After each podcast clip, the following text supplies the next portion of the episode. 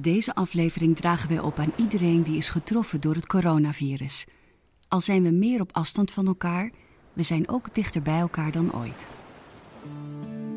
Wat het schrijnende is, is dat in dit geval ja, de familie er zomaar weinig bij mag. En, en dat je inderdaad van tevoren al weet van ja, dit afscheid is echt voor een paar weken en we weten niet of het goed komt. En dat is natuurlijk heel heftig. Dat, dat kunnen knuffelen. En dat kunnen omhelzen en elkaar even vasthouden. Ja, dat is, dat, dat is er niet meer. Wij mensen weten gewoon eigenlijk niet hoe rouw werkt. Wie heeft je nou geleerd hoe je moet rouwen? Vroeger was de dood een taboe, maar tegenwoordig is praten over doodgaan al veel normaler. Dat gesprek voeren we in deze podcast. Ik ben Patty Louleen hier. En ik ben Richard Grootbot. We praten in deze serie met mensen die werken in de zorg en het uitvaartvak. Waarom doen ze dit werk? Hoe houden ze het vol? En we gaan ook op bezoek bij mensen voor wie de dood heel dichtbij komt. In deze aflevering behandelen we het afscheid nemen in deze coronatijd. Wat kan nog wel, wat kan niet en wat doet dat met familieleden en vrienden?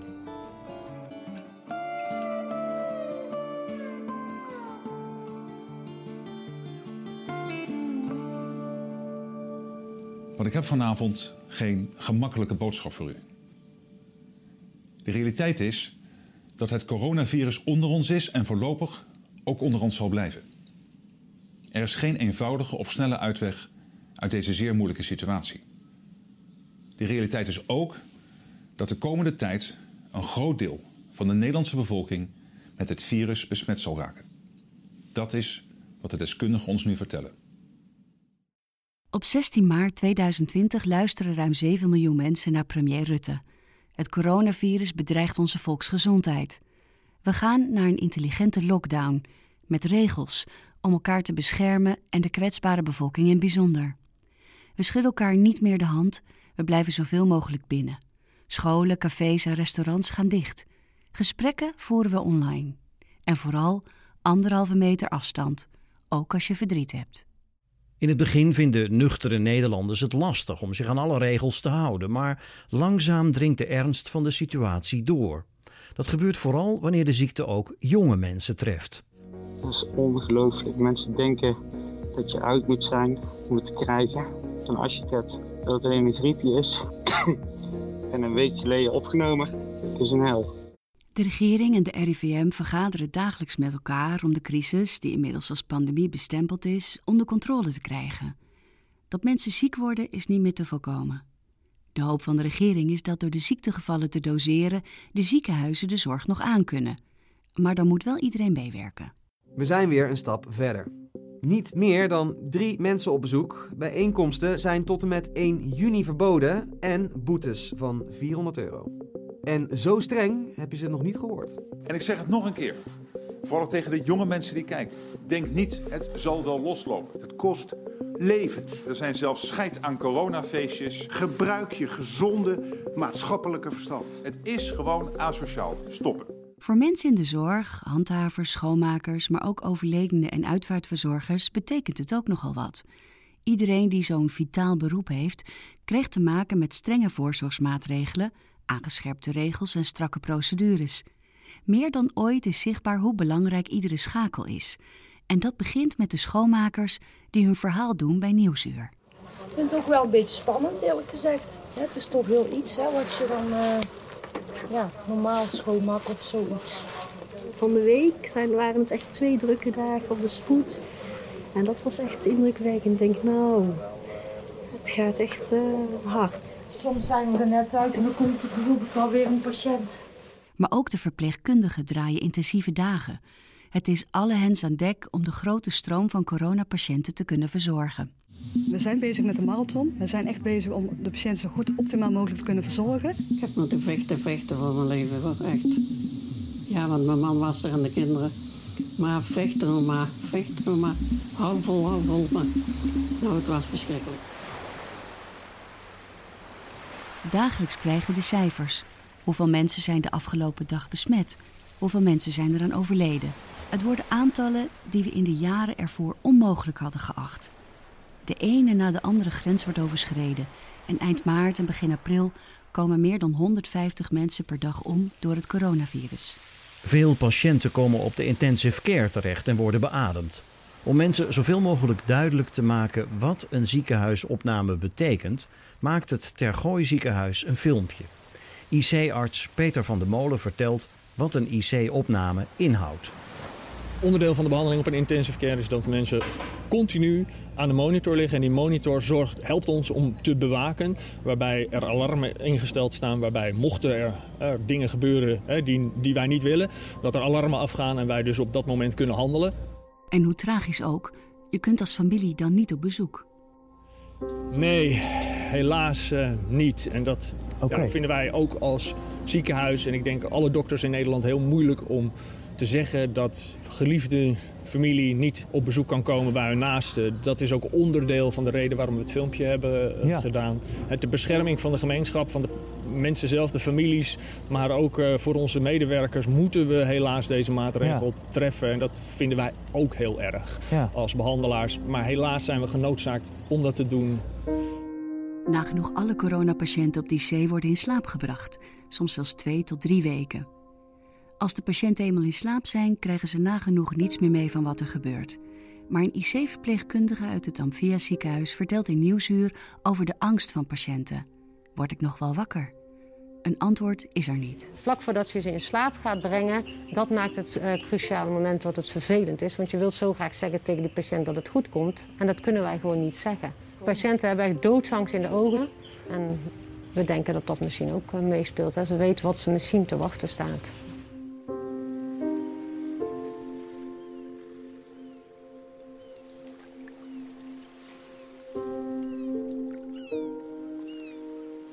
...150 doden per dag op het hoogtepunt van de epidemie in ons land.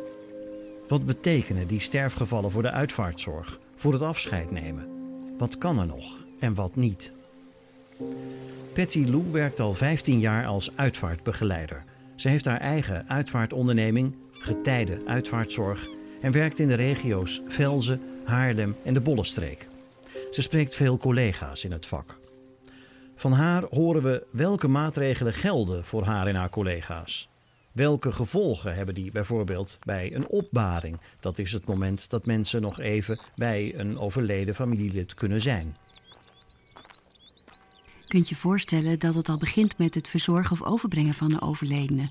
Of die nu wel of niet aan corona is overleden. De overledene verzorgers die iemand ophalen, wassen, kleden en opbaren, dragen beschermende kleding, eh, mondkapjes en brillen.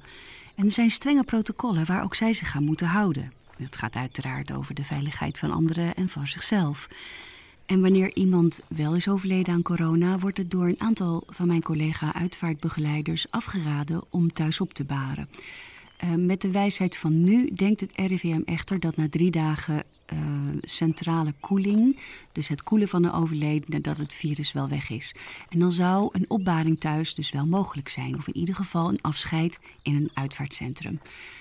In ieder geval merk je dat uh, COVID-19 uh, ons in de branche, de uitvaartzorgbranche, ook wel erg heeft overvallen. En, uh, en, iedereen doet wat hij of zij ook verstandig acht. Met de kennis die ook bijna dagelijks wel verandert. We houden dat ook uh, zorgvuldig in de gaten. Want iedereen die werkt in uitvaartzorg is enorm gedreven om het juiste te doen en het beste te doen uh, voor nabestaanden. Um, en in het bijzonder natuurlijk wanneer het voor hen zo lastig is geweest om afscheid te nemen. In de periode voorafgaand aan het overlijden. Dus ook uitvaartmedewerkers werken in deze tijd met mensen die besmet of mogelijk besmet zijn met het coronavirus. Voor veel van mijn collega's is het ook best een spannende tijd. Uh, je loopt risico's, ook voor je eigen familieleden. En in het bijzonder wanneer die familieleden weer heel kwetsbaar zijn. Ik ken ook al een aantal collega's die ziek zijn geworden en goed ook. Een hele dierbare collega heeft het overigens nog maar ternauwernood overleefd. Dat doet toch wat met je. Maakt angstig. En uh, hoewel we wel vaker te maken krijgen natuurlijk met besmettelijke situaties waarvoor we dan gewaarschuwd worden, is dat doorgaans de uitzondering. En nu uh, is COVID-19, corona, is iets wat continu als dreigend voelt. En natuurlijk neemt iedereen voorzorgsmaatregelen volgens de RIVM-maatregelen. Sommige uitvaartleiders bespreken uitvaart via beeldbellen, wanneer er echt sprake is van risicobesmetting. En uitvaartbegeleiders rijden ook niet meer mee in de rouwwagen om uh, rouwwagenchauffeurs te beschermen. En overledene verzorgers en thanatopracteurs moeten al helemaal goed opletten. Thanatopracteurs. Het zijn mensen die een overledene behandelen met een lichte balseming, ook wel thanatopraxie genoemd. Het is een opbaartechniek die vaak wordt verward met mummificeren, maar daar heeft het niks mee te maken. Balsemen werd tot voor 2010 alleen gedaan uh, op, op overledenen van de koninklijke familie. En in het buitenland is het veel gebruikelijker om te balsemen, met name in de warme landen. En het is een vorm van opbaren waarbij het bloed wordt vervangen door bacteriedodende stoffen. Een, een invasieve behandeling die in veel gevallen ook in een thuissituatie kan worden gedaan. En na deze behandeling kan de overledene zonder koelplaat onder het lichaam tot een dag of zes, zeven worden opgebaard. Zeker nu in coronatijd kan deze behandeling bijdragen aan een goed afscheid. Want uh, tot op heden mogen coronapatiënten worden gebalsemd. En dan is ook het virus meteen onschadelijk gemaakt. En als dan iemand overlijdt, al dan niet door corona, mogen eerst nog 100 mensen aanwezig zijn bij de uitvaart. Maar dat wordt al snel aangepast naar maximaal 30. In diezelfde week moeten ook cafés en restaurants hun deuren sluiten. En dus ook koffiekamers van uitvaartlocaties.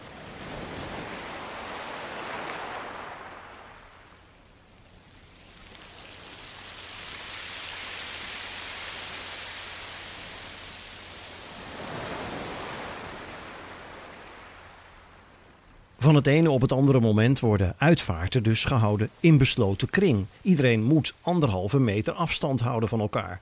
En dus zijn uitvaartlocaties hun aula's opnieuw aan het inrichten met stoelen en banken.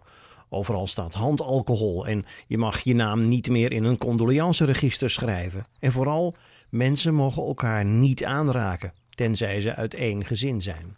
Ontstaan allerlei handgebaren om mensen toch sterkte toe te wensen. Je kunt je voorstellen dat dit een impact heeft op een afscheid. Het voelt anders, afstandelijker.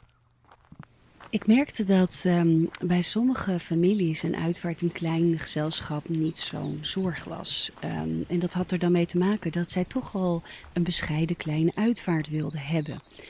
Um, het is een heel, heel ander verhaal voor mensen die toch een uitvaart grootser hadden bedacht. Um, met ruimte voor, voor veel mensen die elkaar zowel letterlijk als figuurlijk kunnen steunen. En waar ook een aangeklede borrel of een toast op het leven heel mooi zou passen. Ja, maar dat kan dus nu niet. En dus vinden veel uitvaarten alleen plaats in het bijzijn van naaste familie. In de rouwkaarten die verstuurd worden, wordt soms gevraagd om een kaarsje aan te steken op de dag en tijd van de uitvaart. Betty Lou merkt ook op dat mensen wat meer met bloemen doen om een uitvaart toch ook meer aan te kleden. Maar de uitvaarten die grootser hadden gemoeten of gemogen, die vragen om wat meer creatieve oplossingen. Onlangs uh, overleed een jonge vrouw. En uh, drie maanden eerder had zij te horen gekregen dat ze een hele agressieve vorm van kanker had. En het was een vrouw, ja, ik bewonder haar enorm. Want ze stond zo vol in het leven. En uh, getrouwd met een ontzettend lieve man en prachtig gezin. Twee jongetjes van vijf en zeven. En zij wilde graag dat het leven gevierd zou worden. Dat een, een afscheid van haar zou bestaan uit het verbinden van alle mensen uit haar leven. En, en, en daar hoorden gewoon grappige verhalen bij, eh, favoriete, stoere muziek. Uh, foto's uh, van momenten uit haar leven die, die haar dierbaar waren. En een borrel. Een borrel met lekkere hapjes erbij. Nou, dat hadden wij eigenlijk uh, twee maanden geleden allemaal al besproken met elkaar. En, um, en toen zei ze ook, toen vroeg ze me ook letterlijk, ze zegt, Betty Lou, luister goed. Ik wil gewoon dat mensen met een blij gevoel weggaan op mijn uitvaart. Dat ze me herinneren zoals ik was. En niet te veel huilen dat ik er niet meer ben. En ik weet dat dat voor sommigen echt heel lastig zal zijn. Dus ik, ik hoop dat je me wil helpen om, om dat een, een cadeau van mij aan iedereen te laten zijn. Nou ja, uh, ze kwam te overlijden. En uh, je kunt je voorstellen hoe lastig ik het heb gevonden om uh, bij haar man en kinderen aan tafel te zitten en te vertellen dat van al die wensen, ja, dat er eigenlijk nog maar weinig van haalbaar was. Tenzij we natuurlijk de uitvaart nu klein zouden houden en dan later groots een herdenking zouden doen. Maar dat is dan ja, gezien de huidige situatie, misschien pas over zes maanden of, later, langer nog. Haar, haar, man en kinderen keken me in stilte aan en de kinderen begrepen het eigenlijk niet zo heel goed. En, maar haar man met name, en ik, ik, ik, hoorde hem zeggen: Ja, luister, maar dit helpt dus niemand nu. Um, en dat wil ik wel. Dus wat kan dan wel? En hoewel de familie er uiteindelijk toch ook voor kiest om op haar verjaardag, eind van het jaar, nog een borrel te organiseren, blijkt er ook voldoende ruimte voor een afscheid nu. We hebben samen hele mooie, vertederende oplossingen gevonden om het toch een afscheid te laten zijn die bij haar paste. En waar de familie mee verder kon, want die behoefte was er zo.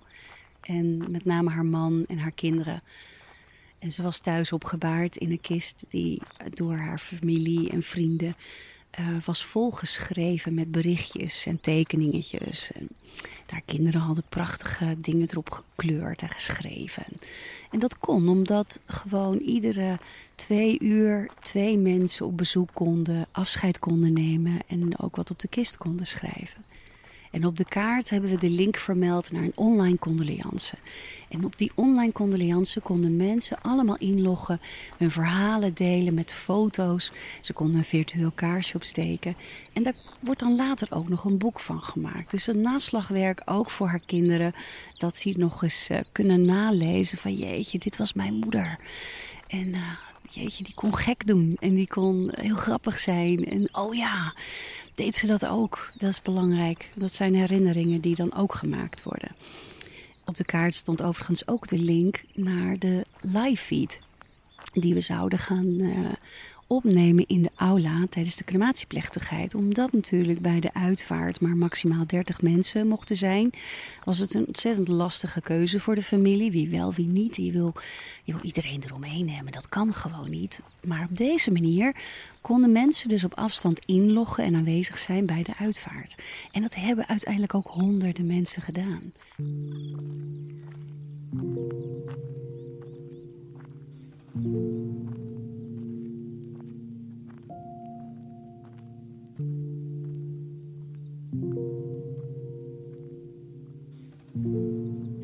Wat misschien wel de meeste indruk heeft gemaakt, was dat we op de route naar het crematorium een erehaag hebben laten vormen van iedereen die haar nog een laatste groet wilde brengen. En dat werden er honderden mensen. En die stonden keurig op, op, op anderhalf, twee meter van elkaar langs de route. En sommigen hadden een bloem bij zich. En de rouwwagen die reed daar stapvoets doorheen. Ik liep voor en haar man en kinderen en haar ouders liepen erachter.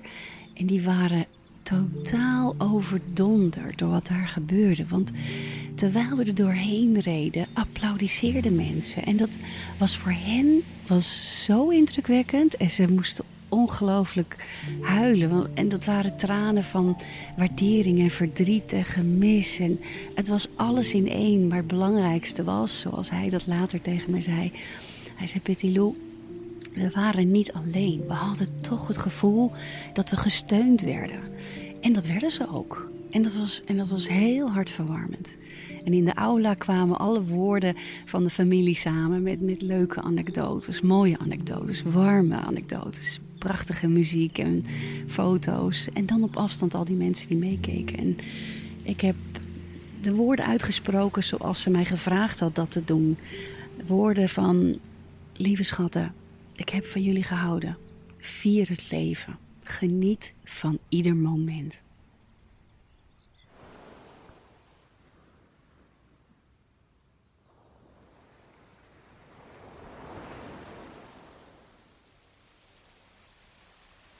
Als je wordt begraven, zijn er eigenlijk altijd uitvaartdragers bij nodig. Dragers zijn getraind in het rijden of dragen van een overledene. Ze zetten de overledene op het graf en wanneer er met touwen wordt gedaald, zorgen zij dat dat mooi en gelijkmatig gaat. Soms draagt de familie zelf en dan zijn zij erbij om te helpen. Ook het uitdelen en netjes neerleggen van de bloemen valt onder hun taak. Uitvaartondernemers huren die dragersorganisatie hiervoor in. En daarin zitten verschillen. Van jonge studenten, strak, bijna marcherend, met hoeden, handschoenen en lange jassen, tot de Surinaamse dragersgroep die dansend achter een bazuinkoor naar het graf gaan, of alleen vrouwelijke dragers. En dan is er ook uitvaartservice Saluto. De man en vrouw van Saluto zijn van diverse leeftijden en achtergronden. Ze willen vooral de verlenging zijn van de uitvaartonderneming. Keurig, meelevend, maar niet per se militaristisch of strak. De eigenaar van Saluto is Hans Trossel. Iedere familie heeft een beeld van hoe een uitvaart eruit uh, moet komen te zien. En vooral ook wat hun wensen zijn en wat hun visie daarin is. En dat moeten ze ook wel terug kunnen zien in de, uh, tijdens de uitvaart. En onze uitvoering uiteraard. En wij zijn een, uh, juist een belangrijk onderdeel tijdens die uitvaart.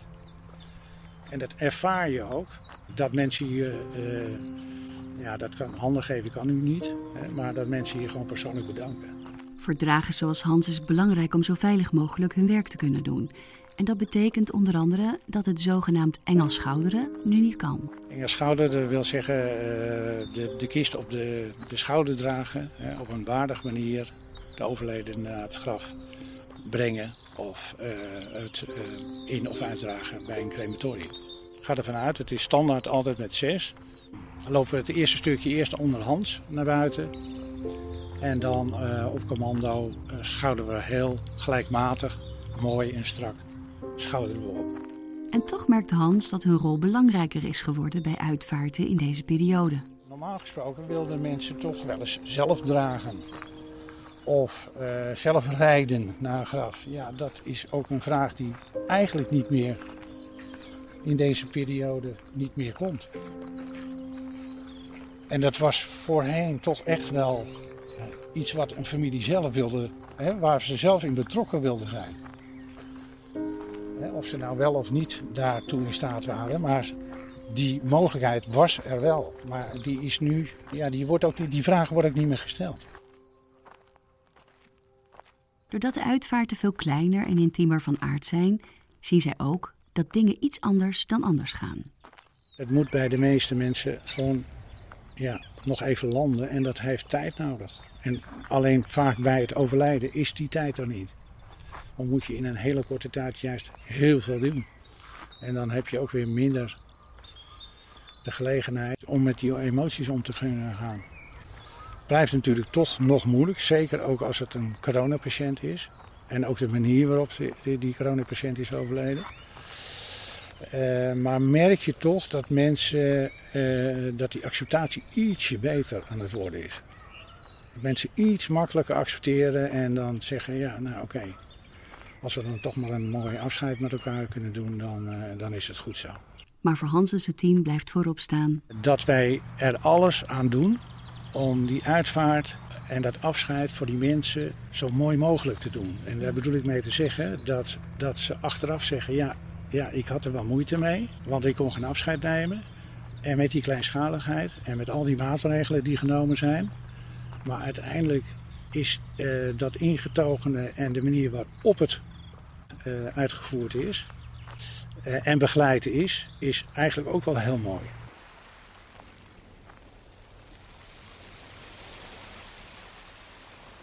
Voor sommige mensen is een klein afscheid toch al de wens, maar in veel andere gevallen kan niet worden voldaan aan een uitgesproken wens voor een uitgebreide uitvaart. Wat dit doet voor het rouwproces bespreken we met Chantal Visser de Mol. Zij is levensbegeleider en rouwcoach. We hebben realiteit nodig, we hebben dingen nodig die we kunnen zien en voelen en uh, kunnen zien met onze eigen ogen bedoel ik dan, dat iets verandert of iets er niet meer is. Wanneer jij bij jouw dierbare op het sterfbed bent, dan zie jij dat dat een einde is. Je wil nog die laatste woorden zeggen. Je wil nog je liefdeswoorden uitspreken. Je wil je vragen nog stellen of je wil elkaars handen vasthouden. En misschien is dat laatste wel een van de belangrijkste dingen die gebeuren op een sterfbed. Er gewoon zijn voor de ander, voor elkaar. En dat kan dan niet meer. Dus wanneer je na de uitvaart, want rouwen begint niet meteen um, al op dat moment, daar heb je eigenlijk een aantal bakens voor nodig. En wanneer je dus dat moment mist, dan kan het zo zijn dat je die realiteit mist en daardoor in een soort van ongeloof terechtkomt van wat er nu eigenlijk is gebeurd. En dan kan het zijn dat je rouwproces iets anders verloopt. Iets dat ook wel een verstoord rouwproces wordt genoemd. Het kan onwerkelijk worden, het kan onwerkelijk zijn. En als je dan daarna verder gaat in de tijd, dan is het moeilijker om daar vrede mee te hebben, om dat te accepteren. Plus het feit dat je met een heleboel emoties en vragen blijft zitten. En die kunnen het hele proces bemoeilijken. Maar hoe weet je nou of je misschien toch een vorm van verstoorde rouw hebt en dat je misschien toch om hulp moet vragen? Door heel goed bij jezelf te blijven, hoe voel ik mij? En wanneer je erachter komt dat je bijvoorbeeld al wekenlang niet uit je bed kan komen, dat je weken, misschien wel maandenlang depressief bent uh, dat je dood en doodmoe bent. Um, dat je lichamelijke klachten hebt. Hè? Want um, een verlies, dat is allemaal heel groot. Uh, ja, dat kan een enorme invloed hebben op uh, de psychosomatische klachten. Dat zijn de klachten die niet begrepen zijn en die een psychische oorzaak hebben. Bijvoorbeeld, je mist iemand heel erg. En um, ja, als je daar alert op blijft, op jezelf, eerlijk naar jezelf, dan um, kun je op een gegeven moment inderdaad naar de dokter gaan als dat nodig is. Uh, of je roept hulp in van iemand anders. Wat heel erg goed kan helpen is heel vaak je verhaal doen. Bel zelf mensen op uh, of je wordt gebeld. Doe je verhaal en vertel eerlijk over je emoties en wat er allemaal door je heen gaat. En dat is wanneer je dat allemaal bij jezelf herkent. Maar wat kun je doen als kind, als broer, als zus of vriendin of buurvrouw? Heel veel contact houden. Uh, ten eerste hele praktische dingen doen. Dus uh, palletjes soep brengen, uh, boodschappen doen. misschien even helpen de kinderen opvangen en even bezighouden. het huis misschien wat schoonmaken en op orde brengen. Gewoon van die hele praktische dingen, daar kan je iemand ontzettend mee helpen. Uh, daarnaast een luisterend oor bieden en niet oordelen. Niet zeggen van nou het zal nu wel gaan na zoveel tijd of goh zit je daar nu nog mee. Nee, bied een luisterend oor zonder te oordelen. Dat is echt het allerbelangrijkste. En vraag desnoods um, hoe het met de emoties is. We moeten echt een beetje op elkaar letten nu. Want ik maak mensen mee. Um, ik, ik, heb nu contact met mijn cliënten weer uh, die dat nodig hebben. En ik hoor ze stuk voor stuk zeggen dat ze eigenlijk niemand tot last willen zijn, maar dat het eigenlijk niet goed gaat met ze. En ze willen niemand tot last zijn, want iedereen heeft het al zo zwaar. Niemand zit op hun emoties en hun moeilijkheden te wachten. En naar de dokter gaan durven ze al helemaal niet, want die heeft het al zo druk. Met alle erge dingen die er op dit moment spelen. Dus ik wil echt benadrukken dat we met elkaar praten over emoties en gevoelens. En echt een beetje op elkaar letten op die manier. Veel uitvaarten die in coronatijd worden geregeld, vinden dus in besloten kring plaats. We lezen regelmatig in de krant dat men op een later tijdstip de uitvaart alsnog op de een of andere manier wil vormgeven. Uitstel van een uitvaart, dat hoor ik ook regelmatig, of een herdenking later. Dat is net als dat je een gedenksteen heel laat in de toekomst nog een keer gaat plaatsen. En een gedenksteen of een herdenking, dat zijn van die markeringen ook in de tijd. Dan heb je van, ja, als dat geweest is, dan kan ik in ieder geval aan rouwen beginnen, aan rouwen toekomen. Nou, je kan bedenken dat als dat uitgesteld wordt, verder in de tijd, dan hebben we het over juni, juli misschien. En dan is het nog op een andere manier met afstand vanwege de anderhalve meter samenleving. Misschien met mondkapjes op, dus het blijft voorlopig anders. En dan, um, ja, dat, dat draagt niet bij aan het gevoel wat je hebt wanneer je normaal een uitvaart hebt. Maar hoe lang duurt dan een rouwproces? Ieder mens is uniek en iedereen rouwt op een unieke manier. En ik wil zeggen, ook echt elk proces dat ieder mens aflegt, is een goed proces. Um, zolang het maar vooruit gaat en niet stagneert en niet stolt. Want gestolde rouw, daar kan je lang later um, last van hebben. Een rouwproces duurt zo lang als het duurt. En het gezegde dat daar moet een jaar overheen en vier seizoenen, dat is echt een dooddoener. Dat is echt helemaal niet waar. Je doet er zo lang over als je het nodig hebt. Ehm, bij de een is het wat korter, bij de ander is het wat langer. Het heeft met je veerkracht te maken, het heeft met je geloof te maken in de zin van ehm, dat je er vertrouwen in hebt, want geloof is vertrouwen, dat je er vertrouwen in hebt dat het leven ook weer verder gaat. En het is altijd zo mooi om te kijken naar de seizoenen dan wel in dat geval, dat na een hele stille koude, uh, verdorde winter. Hè, met al dat droge, uh, oude hout lijkt het wel. Ontstaat dan toch weer nieuw leven. En dat is wat het ook met, met, met ons mensen doet. Daarnaast zijn we biologische wezens. En wij willen groeien. Dat is een heel natuurlijk proces in ons. Nou, als die groei stagneert, die ontwikkeling, dan gaat dat een rot gevoel geven in ons. Dan voelen we ons onrustig. En dat zijn eigenlijk de onbegrepen, onbekende spanningsvelden.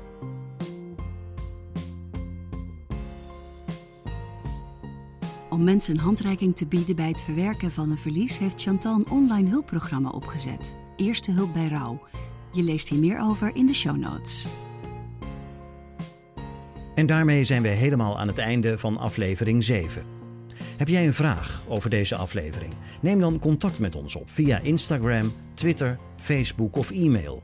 Je vindt alle links in de show notes. Dat is de tekst bij deze aflevering in je podcast-app. In die show notes vind je ook links naar meer informatie over de onderwerpen in deze aflevering. Of ga naar onze website helemaal aan het einde.nl. Daar vind je alles overzichtelijk bij elkaar. Dus helemaal aan het einde.nl. Heeft deze aflevering je geïnspireerd of geraakt? Schrijf dan een review bij Apple Podcast of laat een rating achter. Of als je luistert via Spotify, deel de aflevering. Dan help je anderen om deze podcast te ontdekken. Vergeet niet om je gratis op deze serie te abonneren met de subscribe of abonneerknop. Dan verschijnen nieuwe afleveringen automatisch in je podcast-app. Wanneer je met iemand wilt praten na dit programma, dan kan dat dag en nacht via de luisterlijn op 0900 0767. De mensen van deze hulpdienst zijn onder meer gespecialiseerd in rouw en verwerking. 0900 0767. De luisterlijn.